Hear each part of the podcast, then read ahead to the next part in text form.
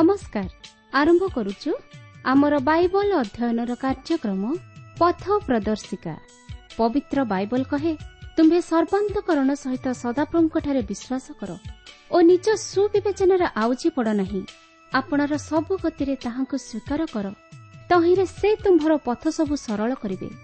ଆସନ୍ତୁ ସେହି ପଥ ପ୍ରଦର୍ଶକଙ୍କର ସନ୍ଧାନ ପାଇବା ନିମନ୍ତେ ଶୁଣିବା ବେତାର କାର୍ଯ୍ୟକ୍ରମ ପଥ ପ୍ରଦର୍ଶିକା।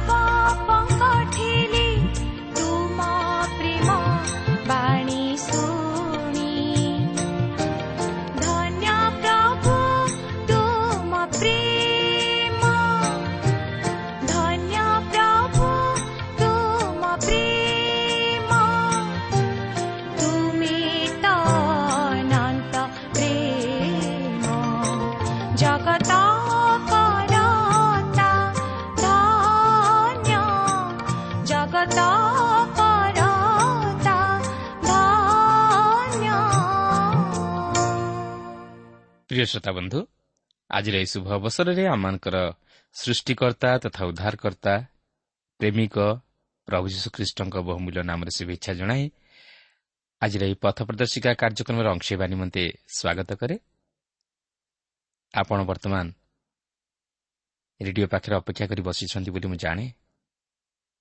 ଆପଣଙ୍କର ମନରେ ଅନେକ ପ୍ରଶ୍ନ ଥାଇପାରେ ଯାହାର କି ଉତ୍ତର ଆପଣ ଏପର୍ଯ୍ୟନ୍ତ ପାଇପାରି ନାହାନ୍ତି କିନ୍ତୁ ମୋର ବିଶ୍ୱାସ ଆପଣ ଯଦି ଏହି କାର୍ଯ୍ୟକ୍ରମ ନିୟମିତ ଶୁଣିବେ ତାହେଲେ ଆପଣ ଆପଣଙ୍କର ପ୍ରଶ୍ନର ଉତ୍ତର ପାଇପାରିବେ ଓ ଆପଣଙ୍କ ଜୀବନରେ ଏକ ସମାଧାନରେ ଉପନୀତ ହୋଇପାରିବେ।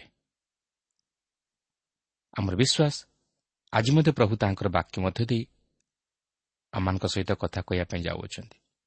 ଆସନ୍ତୁ ତାହେଲେ ପ୍ରଭୁଙ୍କର ବାକ୍ୟ ମଧ୍ୟ ଦେଇଯିବା ପୂର୍ବରୁ ପ୍ରାର୍ଥନାର ସହିତ ପ୍ରଭୁଙ୍କ ବାକ୍ୟର ନିକଟବର୍ତ୍ତୀ ହେବା। ଆସନ୍ତୁ ପ୍ରାର୍ଥନା କରିବା।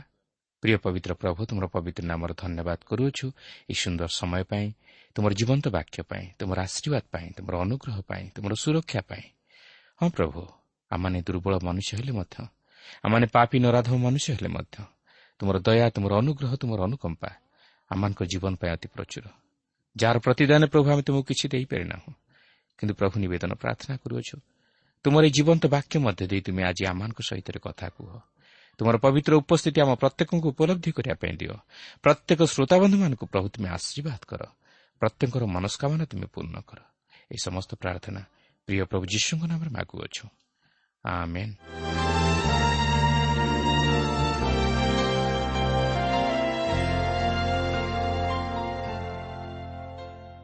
ଆସନ୍ତୁ ବର୍ତ୍ତମାନ ଆମେ ପ୍ରଭୁଙ୍କର ବାକ୍ୟ ମଧ୍ୟକୁ ଯିବା।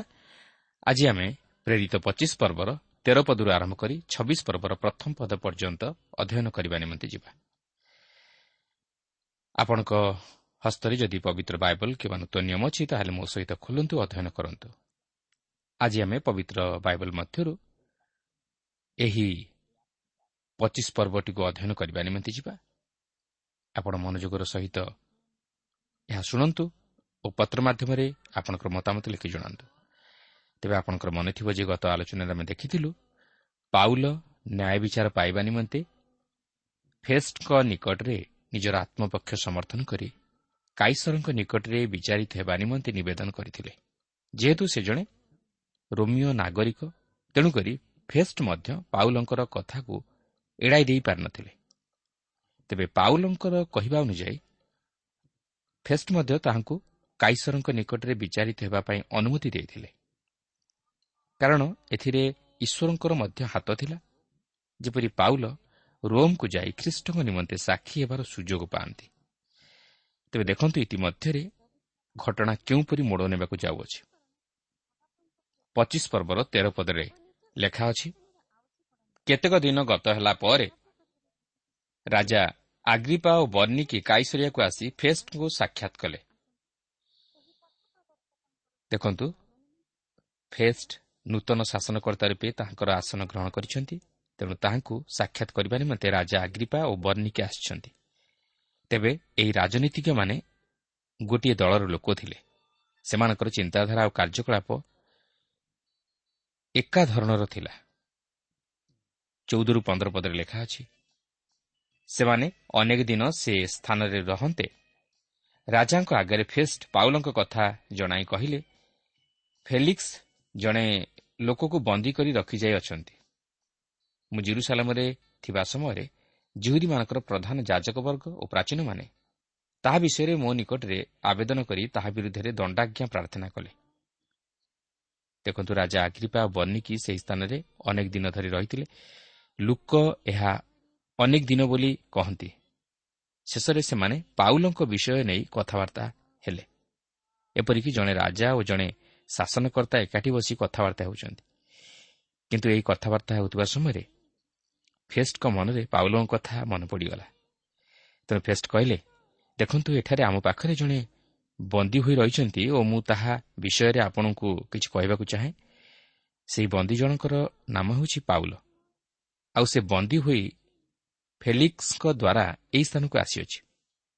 ଫେଲିକ୍ସ ତାହାକୁ ମୋ ପାଇଁ ଛାଡ଼ି ଦେଇଛନ୍ତି ତେଣୁ ମୋର ଇଚ୍ଛା ଆପଣ ଯେତେବେଳେ ଆସିଛନ୍ତି ଆପଣ ତାହା ବିଷୟରେ ଶୁଣିବା ଉଚିତ ଓ ସେ କ'ଣ କହୁଛି ଆପଣ ତାହା ଶୁଣିବା ଉଚିତ।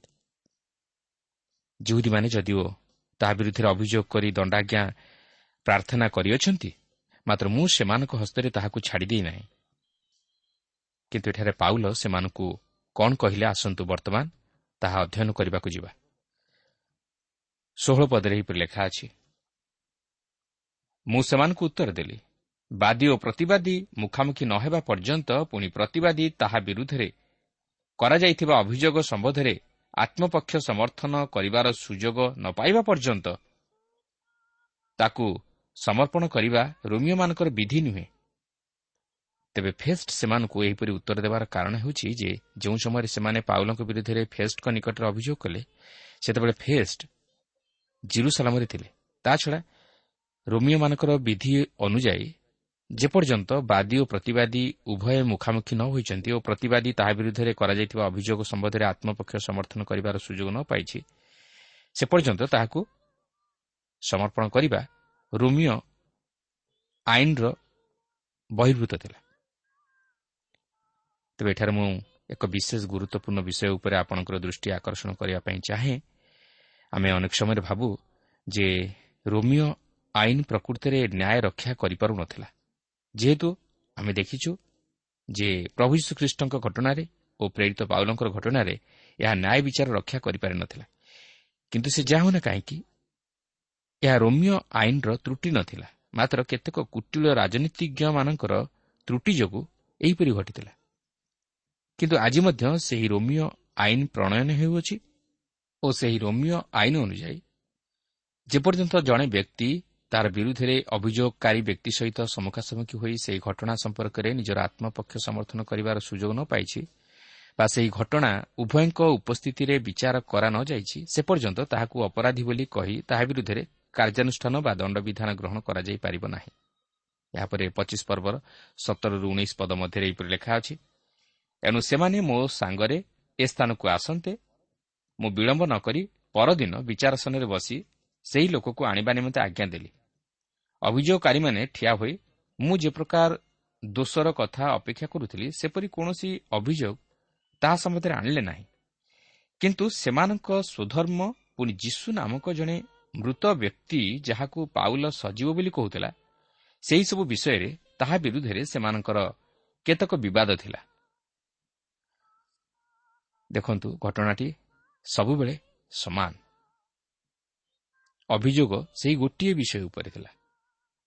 ଆଉ ତାହା ହେଉଛି ପୁନରୁତ୍ଥାନ। ଆମେ ଏହି ଘଟଣାରୁ ଦେଖୁ ଯେ ପାଉଲ ପ୍ରତି ସମ୍ବାଦରେ ପ୍ରଭୁ ଯୀଶୁଖ୍ରୀଷ୍ଟଙ୍କର ପୁନରୁତ୍ଥାନ ଉପରେ ଗୁରୁତ୍ୱ ଦେଉଥିଲେ ଯାହାଫଳରେ ଫେଷ୍ଟ ମଧ୍ୟ ତାହା ଜାଣିବାକୁ ପାରିଲେ। କୋଡ଼ିଏରୁ ବାଇଶ ପଦରେ ଲେଖା ଅଛି ଏହି ସମସ୍ତ ବିଷୟ କି ପ୍ରକାରେ ଅନୁସନ୍ଧାନ କରିବି ବୋଲି ମୁଁ ହତବୁଦ୍ଧି ହୋଇ ସେ ଜିରୁସାଲାମକୁ ଯାଇ ସେଠାରେ ଏ ସମସ୍ତ ବିଷୟରେ ବିଚାରିତ ହେବା ପାଇଁ ଇଚ୍ଛା କରେ କି ନାହିଁ ଏହା ପଚାରିଲି।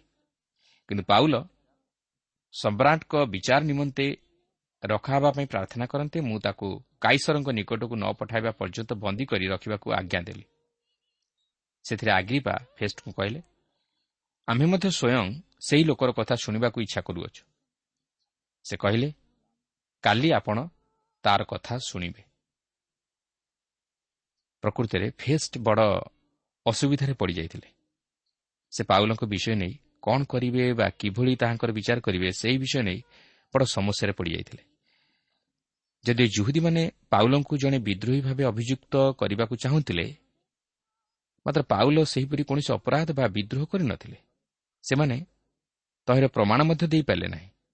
ଏପଟେ ପାଉଲ ମଧ୍ୟ କାଇସରଙ୍କ ନିକଟରେ ବିଚାରିତ ହେବା ନିମନ୍ତେ ପ୍ରାର୍ଥନା କରନ୍ତି। ସେପଟେ ଜିହୁଦୀମାନେ ତାହାଙ୍କ ବିରୁଦ୍ଧରେ ଅଭିଯୋଗ କରି ତାହାଙ୍କୁ ବଦ୍ଧ କରିବାକୁ ଚାହାନ୍ତି। ତେଣୁକରି ଏପରି ପରିସ୍ଥିତିରେ ଫେଷ୍ଟ ଆଗ୍ରିପାଙ୍କର ସାହାଯ୍ୟ ନେବାକୁ ଚାହାନ୍ତି ଓ ସେହି ଗଣ୍ଡଗୋଳର କାରଣ ସମ୍ପର୍କରେ କିଛି ଜାଣିବାକୁ ଚାହାନ୍ତି ଯେପରି ସେ ପାଉଲଙ୍କୁ କାଇସରଙ୍କ ନିକଟକୁ ତହିଁର ବିଚାର ନିମନ୍ତେ ପଠାଇ ପାରନ୍ତି। ମୁଁ ଭାବୁଛି ରାଜା ଆଗ୍ରିପା ପାଉଲଙ୍କ ବିଷୟରେ ପୂର୍ବରୁ କିଛି ଶୁଣିଥିଲେ। ତେଣୁକରି ସେ ତାହାଙ୍କ ମୁଖରୁ କିଛି ଶୁଣିବା ନିମନ୍ତେ ଅତି ଆକାଂକ୍ଷିତ ଥିଲେ। ସେ ପାଉଲଙ୍କ ବିରୁଦ୍ଧରେ କରାଯାଇଥିବା ଅଭିଯୋଗ ସମ୍ପର୍କରେ ଅଧିକ କିଛି ଜାଣିବାକୁ ଚାହିଁଲେ ଓ ପାଉଲ ସେହି ସମସ୍ତ ବିଷୟ ନେଇ କ'ଣ ମତାମତ ଦେବେ ବା କ'ଣ କହିବେ ତାହା ସେ ଜାଣିବାକୁ ଚାହିଁଲେ। ତେଣୁକରି ସେମାନେ ତାହାଙ୍କ ନିମନ୍ତେ ଏକ ସଭାର ଆୟୋଜନ କଲେ। କିନ୍ତୁ ଏଠାରେ ଏକ କୌତୁହଳର ବିଷୟ ଆପଣ ଲକ୍ଷ୍ୟ କରିବେ ଯେ ଏହି ସଭା କିପରି ଜଣେ ଶାସନକର୍ତ୍ତା ଓ ଜଣେ ରାଜାଙ୍କ ଦ୍ୱାରା ଆୟୋଜିତ ହୋଇଥିଲା। ତଥାପି ପ୍ରତ୍ୟେକ ସମୟରେ ସେମାନେ ଭାଉବାଣୀକୁ ସଫଳ କରିଥିଲେ। ଯଦିଓ ସେମାନେ ସେହି ଭାଉବାଣୀ ବିଷୟରେ ଜାଣିନଥିଲେ ଆଉ ସେହି ଭାଉବାଣୀ ଥିଲା ପାଉଲ ରାଜାମାନଙ୍କ ସମ୍ମୁଖରେ ଛିଡ଼ା ହୋଇ ଖ୍ରୀଷ୍ଟଙ୍କ ନିମନ୍ତେ ସାକ୍ଷୀ ହେବେ। ତେବେ ଦେଖନ୍ତୁ ପଚିଶ ପର୍ବର ତେଇଶ ପଦରେ ଲେଖା ଅଛି ଅତଏ ପରଦିନ ଆଗ୍ରିପା ଓ ବର୍ଣ୍ଣିକି ମହାସମାରୋହରେ ଆସି ପ୍ରଧାନ ପ୍ରଧାନ ସେନାପତି ଓ ନଗରର ମୁଖ୍ୟ ମୁଖ୍ୟ ବ୍ୟକ୍ତିଙ୍କ ସହିତ ବିଚାରାଳୟରେ ପ୍ରବିଷ୍ଟ ହୁଅନ୍ତେ। ଫେଷ୍ଟଙ୍କ ଆଜ୍ଞା ଅନୁସାରେ ପାଉଲ ଅଣାଗଲେ। ଦେଖନ୍ତୁ ଏହା କେଉଁପରି ଏକ ଦୃଶ୍ୟ ଥିଲା। ପାଉଲଙ୍କ ପରି କୌଣସି ବକ୍ତା ଏହିପରି ଏକ ଦର୍ଶକ ମଣ୍ଡଳୀ ପାଇପାରିଥିବେ?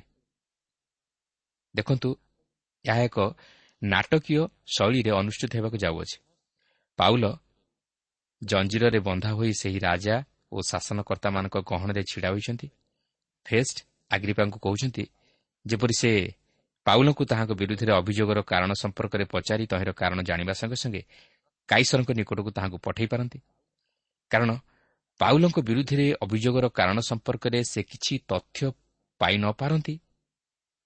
ତାହେଲେ ସେ କିପରି ତାହାଙ୍କୁ କାଇସରଙ୍କ ନିକଟକୁ ପଠାଇବେ? ଦେଖନ୍ତୁ ପଚିଶ ପର୍ବର ଚବିଶରୁ ସତେଇଶ ପଦରେ ଲେଖା ଅଛି। ସେଥିରେ ଫେଷ୍ଟ କହିଲେ ହେ ରାଜନ ଆଗ୍ରିପା ଓ ଆମମାନଙ୍କ ସହିତ ଏହି ସ୍ଥାନରେ ଉପସ୍ଥିତ ମହାଶୟ ବୃନ୍ଦ ଆପଣମାନେ ଏହି ଲୋକକୁ ଦେଖୁଅଛନ୍ତି। ଏହା ବିରୁଦ୍ଧରେ ଜିରୁସାଲାମରେ ଓ ଏହି ସ୍ଥାନରେ ମଧ୍ୟ ଜିହୁଦୀ ଲୋକ ସମୂହ ଆମ୍ଭ ନିକଟରେ ଆବେଦନ କରି ତାର ଆଉ ବଞ୍ଚି ରହିବା ଉଚିତ ନୁହେଁ ବୋଲି ଚିତ୍କାର କଲେ। କିନ୍ତୁ ସେ ମୃତ୍ୟୁଯୋଗ୍ୟ କୌଣସି କର୍ମ କରିନାହିଁ ବୋଲି ମୁଁ ବୁଝିଲି। ଆଉ ସେ ନିଜେ ସମ୍ରାଟଙ୍କ ଛାମୁରେ ବିଚାରିତ ହେବା ନିମନ୍ତେ ପ୍ରାର୍ଥନା କରିବାରୁ ମୁଁ ତାକୁ ପଠାଇବା ନିମନ୍ତେ ସ୍ଥିର କଲି। ମୋର ପ୍ରଭୁଙ୍କ ଛାମୁକୁ ତାର ବିଷୟରେ ଲେଖିବା ନିମନ୍ତେ ମୋର କୌଣସି ନିଶ୍ଚିତ ବିଷୟ ନାହିଁ। ଏଣୁ ବିଚାର କରି ଯେପରି ମୁଁ ଲେଖିବା ନିମନ୍ତେ କିଛି ପାଇପାରେ ସେଥିପାଇଁ ତାକୁ ଆପଣମାନଙ୍କ ବିଶେଷତଃ ହେ ରାଜନ ଆଗ୍ରିପା ଆପଣଙ୍କ ସମ୍ମୁଖକୁ ଆଣିଅଛି। କାରଣ ବନ୍ଦୀକି ପଠାଇବା ସମୟରେ ତା ବିରୁଦ୍ଧରେ ଅଭିଯୋଗଗୁଡ଼ିକ ନିର୍ଦ୍ଦେଶ ନ କରିବା ମୋତେ ଅସଙ୍ଗତ ବୋଧ ହେଉଅଛି। ଦେଖନ୍ତୁ ଫେଷ୍ଟ ପାଉଲଙ୍କ ବିରୁଦ୍ଧରେ କୌଣସି ପ୍ରକାର ଅଭିଯୋଗର କାରଣ ପାଇ ନ ପାରିବାରୁ ତାହାଙ୍କୁ ରାଜା ଆଗ୍ରିପାଙ୍କ ନିକଟକୁ ଆଣୁଅଛନ୍ତି ଯେପରି ରାଜା ଆଗ୍ରିପା ପାଉଲଙ୍କୁ ପଚାରି ଅଭିଯୋଗର କାରଣଗୁଡ଼ିକ ସ୍ପଷ୍ଟ କରିଦେଇ ପାରନ୍ତି। ଯଦ୍ୱାରା ଫେଷ୍ଟ ପାଉଲଙ୍କ ବିରୁଦ୍ଧରେ ଅଭିଯୋଗର କାରଣ ଦର୍ଶାଇ ତାହାଙ୍କୁ କାଇସରଙ୍କ ନିକଟକୁ ପଠାଇ ପାରନ୍ତି। ତାହା ନହେଲେ ତାହାଙ୍କ ନିମନ୍ତେ ଏହା ଏକ ଅପମାନଜନକ ହେବ। କିନ୍ତୁ ଆପଣ ଦେଖନ୍ତୁ ପାଉଲ ଏହି ସୁଯୋଗରେ ସବୁଠାରେ ଏକ ମହାନ ସମ୍ବାଦ ପରିବେଷଣ କରିବା ପାଇଁ ଯାଉଅଛନ୍ତି ଯାହାକି ଆମେ ପରବର୍ତ୍ତୀ ଅଧ୍ୟାୟରେ ଅର୍ଥାତ୍ ଛବିଶ ପର୍ବରେ ଅଧ୍ୟୟନ କରି ଆଲୋଚନା କରିବାକୁ ଯିବା। ତେବେ ଏହିଠାରେ ଆମେ ପ୍ରେରିତ ପଚିଶ ପର୍ବଟି ଅଧ୍ୟୟନ କରି ସମାପ୍ତ କଲୁ। ମାତ୍ର ଏହାପରେ ଆମେ ଛବିଶ ପର୍ବଟିକୁ ଅଧ୍ୟୟନ କରିବା ନିମନ୍ତେ ଯିବା। ଏହି ଛବିଶ ପର୍ବରେ ପାଉଲ କିପରି ଆଗ୍ରିପାଙ୍କ ସମ୍ମୁଖରେ ଛିଡ଼ା ହୋଇ କଥାବାର୍ତ୍ତା କରୁଅଛନ୍ତି ତାହା ଲକ୍ଷ୍ୟ କରିବାକୁ ଯିବା। ତେବେ ପାଉଲଙ୍କର ଏହି ସାକ୍ଷ୍ୟ ତାହାଙ୍କ ଆତ୍ମପକ୍ଷ ସମର୍ଥନର ସାକ୍ଷ୍ୟ ନଥିଲା। ମାତ୍ର ଏହା ସୁଷମାଚାର ପ୍ରଚାର କାର୍ଯ୍ୟ ଥିଲା। ଯେପରି ପାଉଲ ରାଜା ଆଗ୍ରିପା ଓ ଅନ୍ୟମାନଙ୍କୁ ଖ୍ରୀଷ୍ଟଙ୍କ ନିମନ୍ତେ ଲାଭ କରିବାକୁ ପାରନ୍ତି। କିନ୍ତୁ ଏହା ଏକ ନାଟକୀୟ ଦୃଶ୍ୟ ଥିଲା। ଏବଂ ଏହି ପର୍ବଟି ଧର୍ମଶାସ୍ତ୍ରର ସବୁଠାରୁ ଗୁରୁତ୍ୱପୂର୍ଣ୍ଣ ଅଂଶ। ଯେହେତୁ ଏହି ପର୍ବରେ ପାଉଲଙ୍କର ଜୀବନ୍ତ ସାକ୍ଷ୍ୟ ନିହିତ ଅଛି ଓ ଏହି ସାକ୍ଷ୍ୟ ଆଜି ମୋ ନିମନ୍ତେ ଓ ଆପଣଙ୍କ ନିମନ୍ତେ ମଧ୍ୟ ଏକ ଉତ୍ସାହଜନକ ବାକ୍ୟ। ଦେଖନ୍ତୁ ପାଉଲ ଆଗ୍ରିପାଙ୍କ ନିକଟରେ କିପରି ନିଜ ଜୀବନର ସାକ୍ଷ୍ୟ ମାଧ୍ୟମରେ ଖ୍ରୀଷ୍ଟଙ୍କୁ ଉପସ୍ଥାପିତ କରୁଅଛନ୍ତି। ଛବିଶ ପର୍ବର ପ୍ରଥମ ପଦରେ ଲେଖା ଅଛି ସେଥିରେ ଆଗ୍ରିପା ପାଉଲଙ୍କୁ କହିଲେ ତୁମ୍ଭକୁ ଆପଣା ସପକ୍ଷରେ କଥା କହିବା ନିମନ୍ତେ ଅନୁମତି ଦିଆଗଲା। ସେତେବେଳେ ପାଉଲ ହସ୍ତ ବିସ୍ତାର କରି ଆପଣା ପକ୍ଷ ସମର୍ଥନ କରିବାକୁ ଲାଗିଲେ। ତେବେ ଆଗ୍ରିପାଙ୍କ ନିକଟରେ ପାଉଲଙ୍କର ଉପସ୍ଥିତି ତାହାଙ୍କ ପ୍ରଚାର କାର୍ଯ୍ୟର ସବୁଠାରୁ ମହାନ ବିଷୟକୁ ପ୍ରକାଶ କରେ। ଏହା ଥିଲା ଭାଉବାଣୀର ସଫଳତା ଯେପରି ସେ ରାଜା ଓ ଶାସନକର୍ତ୍ତାମାନଙ୍କ ସମ୍ମୁଖରେ ଛିଡ଼ା ହୋଇ ଖ୍ରୀଷ୍ଟଙ୍କ ନିମନ୍ତେ ସାକ୍ଷୀ ହୁଅନ୍ତି। ତେଣୁ ନିଃସନ୍ଦେହରେ କୁହାଯାଇପାରେ ଯେ ଏହା ଥିଲା ଈଶ୍ୱରଙ୍କର ଇଚ୍ଛା ଯେପରି ସେ ରାଜା ଆଗ୍ରିବାଙ୍କ ସମ୍ମୁଖରେ ଖ୍ରୀଷ୍ଟଙ୍କ ନିମନ୍ତେ ସାକ୍ଷୀ ହୁଅନ୍ତି। କିନ୍ତୁ ଏହି ପର୍ବଟିକୁ ଅଧ୍ୟୟନ କରିବାକୁ ଯିବା ପୂର୍ବରୁ କେତେକ ବିଷୟ ଉପରେ ମୁଁ ଆପଣଙ୍କର ଦୃଷ୍ଟି ଆକର୍ଷଣ କରିବା ପାଇଁ ଚାହେଁ। ପ୍ରଥମତଃ ମୁଁ ପୁନର୍ବାର ଏଠାରେ ଆପଣଙ୍କୁ ସ୍ପଷ୍ଟ କରାଇଦେବା ପାଇଁ ଚାହେଁ ଯେ ପାଉଲଙ୍କୁ ଏଠାରେ ଜେରା କରାଯାଉ ନାହିଁ ବିଚାରାଳୟ ମଧ୍ୟରେ ଯେପରି ଆସାମୀକୁ ଜେରା କରାଯାଏ ପାଉଲଙ୍କୁ ସେହିପରି ଜେରା କରାଯାଉ ନାହିଁ ପାଉଲ ମଧ୍ୟ ଆଗ୍ରିପାଙ୍କ ନିକଟରେ ବାସ୍ତବ ଭାବରେ ନିଜର ଆତ୍ମପକ୍ଷ ସମର୍ଥନ କରୁନାହାନ୍ତି। ମାତ୍ର ସେ ସୁଷମାଚାର ପ୍ରଚାର କରୁଅଛନ୍ତି।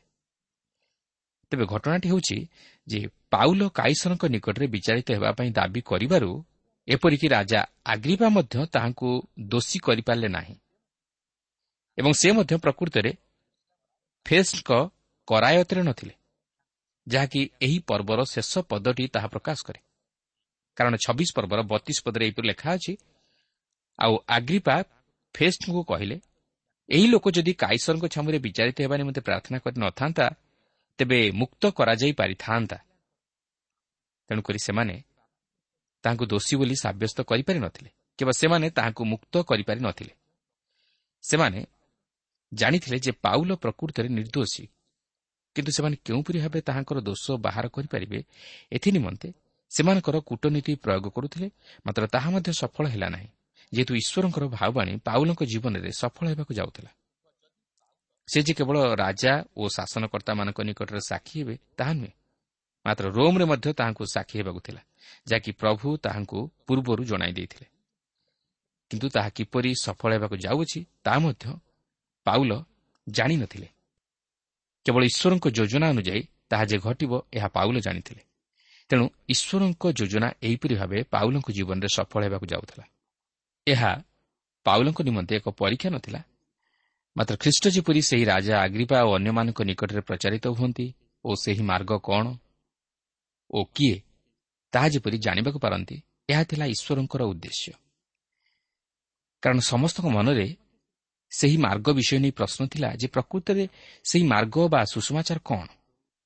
ଏପରିକି ଆଗ୍ରିପା ଓ ଫେଷ୍ଟ ମଧ୍ୟ କଥାବାର୍ତ୍ତା ହେଉଥିବେ ଯେ ପ୍ରକୃତରେ ଏହି ମାର୍ଗ କ'ଣ? ଏହି ମାର୍ଗରେ କି ରହସ୍ୟ ରହିଅଛି? ତେଣୁକରି ସେମାନେ ସମସ୍ତଙ୍କ ସାକ୍ଷାତରେ ପାଉଲଙ୍କୁ ସେହି ମାର୍ଗ ବିଷୟ ନେଇ ବୁଝାଇ ଦେବା ନିମନ୍ତେ ସୁଯୋଗ ଦେଉଛନ୍ତି ଯେପରି ସେମାନେ ଅଧିକ କିଛି ଜାଣିପାରନ୍ତି। ଅନୁମାନ କରିପାରୁଛନ୍ତି ସେହି ସମୟରେ ସେଠାକାର ସେହି ଦୃଶ୍ୟ କିପରି ଭୟଙ୍କର ଥିବ? ରାଜା ଓ ଶାସନକର୍ତ୍ତାମାନେ କ୍ଷମତାସୀନ ସମସ୍ତେ ପାଉଲଙ୍କୁ ଏକ ଅପରାଧୀ ବୋଲି ମନେ କରୁଥିବେ? କିନ୍ତୁ ପାଉଲ ଜଣେ ମାତ୍ର ସେମାନଙ୍କ ସମ୍ମୁଖରେ ଖ୍ରୀଷ୍ଟଙ୍କ ପକ୍ଷରେ ସାକ୍ଷୀ। କିନ୍ତୁ ପ୍ରକୃତରେ ପାଉଲ ଏକାକୀ ନଥିଲେ ମାତ୍ର ଈଶ୍ୱର ପାଉଲଙ୍କ ସହିତ ଥିଲେ। ସେ ପବିତ୍ର ଆତ୍ମାଙ୍କର ଶକ୍ତିରେ ପରିଚାଳିତ ହେଉଥିଲେ। ତେଣୁକରି ସେ ସାହସର ସହିତ ଛିଡ଼ା ହୋଇ ଖ୍ରୀଷ୍ଟଙ୍କୁ ପ୍ରଚାର କରିପାରିଥିଲେ। କିନ୍ତୁ ଦୁଃଖର ବିଷୟ କେହି ହେଲେ ତାହାଙ୍କ ଅଭିଯୋଗର ପୃଷ୍ଠଭୂମିକୁ ବୁଝିପାରିନଥିଲେ କି ତାହାଙ୍କ ପ୍ରଚାରିତ ସୁଷମାଚାରକୁ ବୁଝିପାରିନଥିଲେ। ସେମାନେ ସବୁକିଛି ଶୁଣିଲେ ଓ ଜାଣିଲେ ମଧ୍ୟ ବୁଝିବାକୁ କିମ୍ବା ତାହା ଗ୍ରହଣ କରିବାକୁ ଇଚ୍ଛୁକ ହେଲେ ନାହିଁ। ତାହା ହିଁ ପାଉଲଙ୍କ ନିମନ୍ତେ ଅତି ଦୁଃଖଦାୟକ ଥିଲା। କିନ୍ତୁ ତଥାପି ପାଉଲ ଆଗ୍ରିପାଙ୍କୁ ଖ୍ରୀଷ୍ଟଙ୍କ ନିକଟବର୍ତ୍ତୀ କରାଇବା ନିମନ୍ତେ ଯେଉଁପରି ପଦକ୍ଷେପ ନେଇଥିଲେ ତାହା ଅତି ଚମତ୍କାର ଥିଲା। ଏହା ପ୍ରକୃତରେ ପାଉଲଙ୍କର ଆତ୍ମପକ୍ଷ ସମର୍ଥନର ବିଷୟ ନଥିଲା। ମାତ୍ର ସୁଷମାଚାର ପ୍ରଚାରର ମୂଳ ଲକ୍ଷ୍ୟ ଥିଲା। ପ୍ରିୟ ବନ୍ଧୁ ଆଜି ଆମେ ଏହି ସୁଷମାଚାର ଶୁଣିବା ଦ୍ୱାରା ଆମ ମନର ପ୍ରତିକ୍ରିୟା କ'ଣ?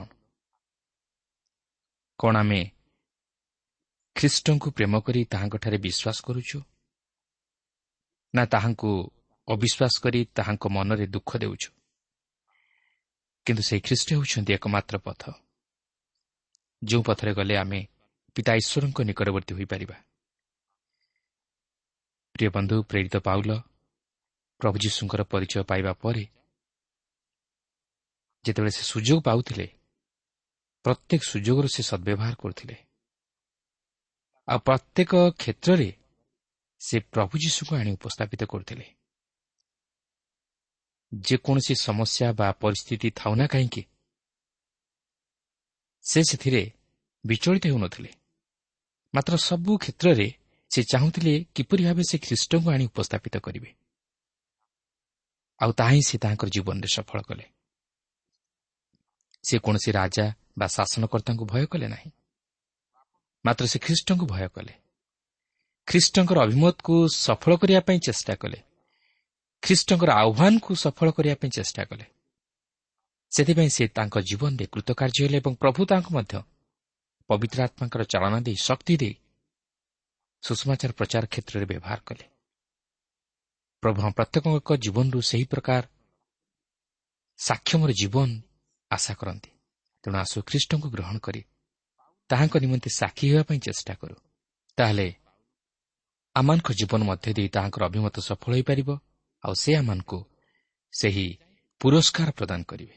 ପ୍ରଭା ପ୍ରତ୍ୟେକଙ୍କୁ ଆଶୀର୍ବାଦ କରନ୍ତୁ।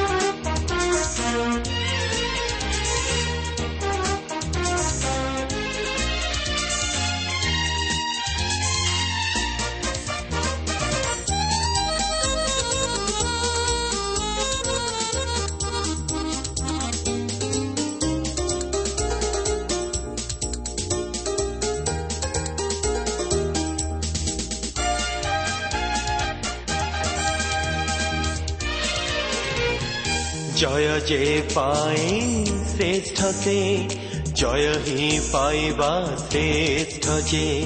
জয় যে পায় শ্রেষ্ঠতে, জয় হি পাইবা শ্রেষ্ঠ যে। ত্যাগ করিছ আদ্য প্রেম জাণ তুমি পাপি মন ফেরা। ଆରମ୍ଭ ଯେମିତି ଶକ୍ତିଶାଳୀ ଶେଷ ବି ସୁନ୍ଦର ହେଉ ସେ ପରି ଜୟ ଯେ ପାଏ ଶ୍ରେଷ୍ଠ ସେ ଜୟ ଜୟ ହାଲିଲୁୟା ଜୟ ଯେ ପାଏ ଶ୍ରେଷ୍ଠ ସେ ଜୟ ଜୟ ହାଲିଲୁୟା জয় যে পাই শ্রেষ্ঠ সে জয় হি পাইবা শ্রেষ্ঠ যে জয় যে পাই শ্রেষ্ঠ সে জয় হি পাইবা শ্রেষ্ঠ যে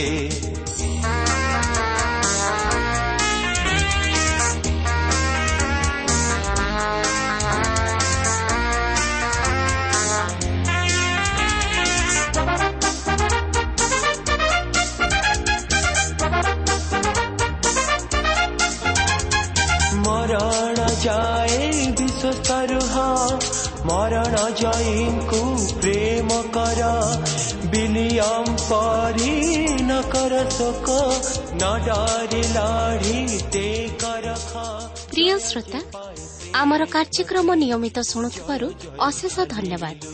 ଆପଣ ଏହି କାର୍ଯ୍ୟକ୍ରମ ଶୁଣିବା ଦ୍ୱାରା ଆତ୍ମିକ ଜୀବନରେ ଉପକୃତ ହୋଇପାରିଥିବେ ବୋଲି ଆମର ବିଶ୍ୱାସ। ପ୍ରଭୁ ଯୀଶୁଙ୍କ ବିଷୟରେ ଅଧିକ ଜାଣିବାର ଆଗ୍ରହ ଥିଲେ ଅଥବା ଉପାଦେୟ ପୁସ୍ତକର ଆବଶ୍ୟକ ଥିଲେ ଆମ ସହ ଯୋଗାଯୋଗ କରନ୍ତୁ। ଆମର ଠିକଣା ପଥ ପ୍ରଦର୍ଶିକା Trans World Radio India post box number ତିନି ତିନି ଭୁବନେଶ୍ୱର ସାତ ପାଞ୍ଚ ଏକ ଶୂନ ଶୂନ ଏକ mobile number nine seven double seven double two one four one five ଠିକଣାଟି ଆଉଥରେ ଶୁଣନ୍ତୁ ପଥ ପ୍ରଦର୍ଶିକା Trans World Radio India post box number three three Bhubaneswar seven five one zero zero one mobile number nine seven double seven double two one four one five ଆମର email ଆଡ୍ରେସଟି ଲେଖି ରଖନ୍ତୁ Odia TTV at radio eight eight two dot com ତେବେ ଆଜି ପାଇଁ ବିଦାୟ ଦିଅନ୍ତୁ ନମସ୍କାର পাই শ্রেষ্ঠ সে জয় জয় হালিলুয়া জয় যে পাই শ্রেষ্ঠ সে জয় হি পাইবা শ্রেষ্ঠ যে জয় যে পাই শ্রেষ্ঠ সে জয় হি পাইবা শ্রেষ্ঠ যে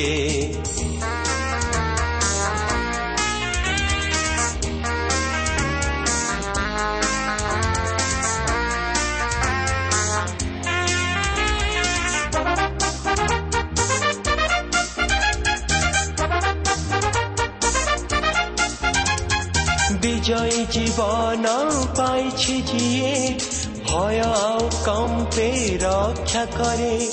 পরাজয় হুয়ে মন যার দুঃখিত। আসি যিশুঙ্কর সঙ্গী হুয়া।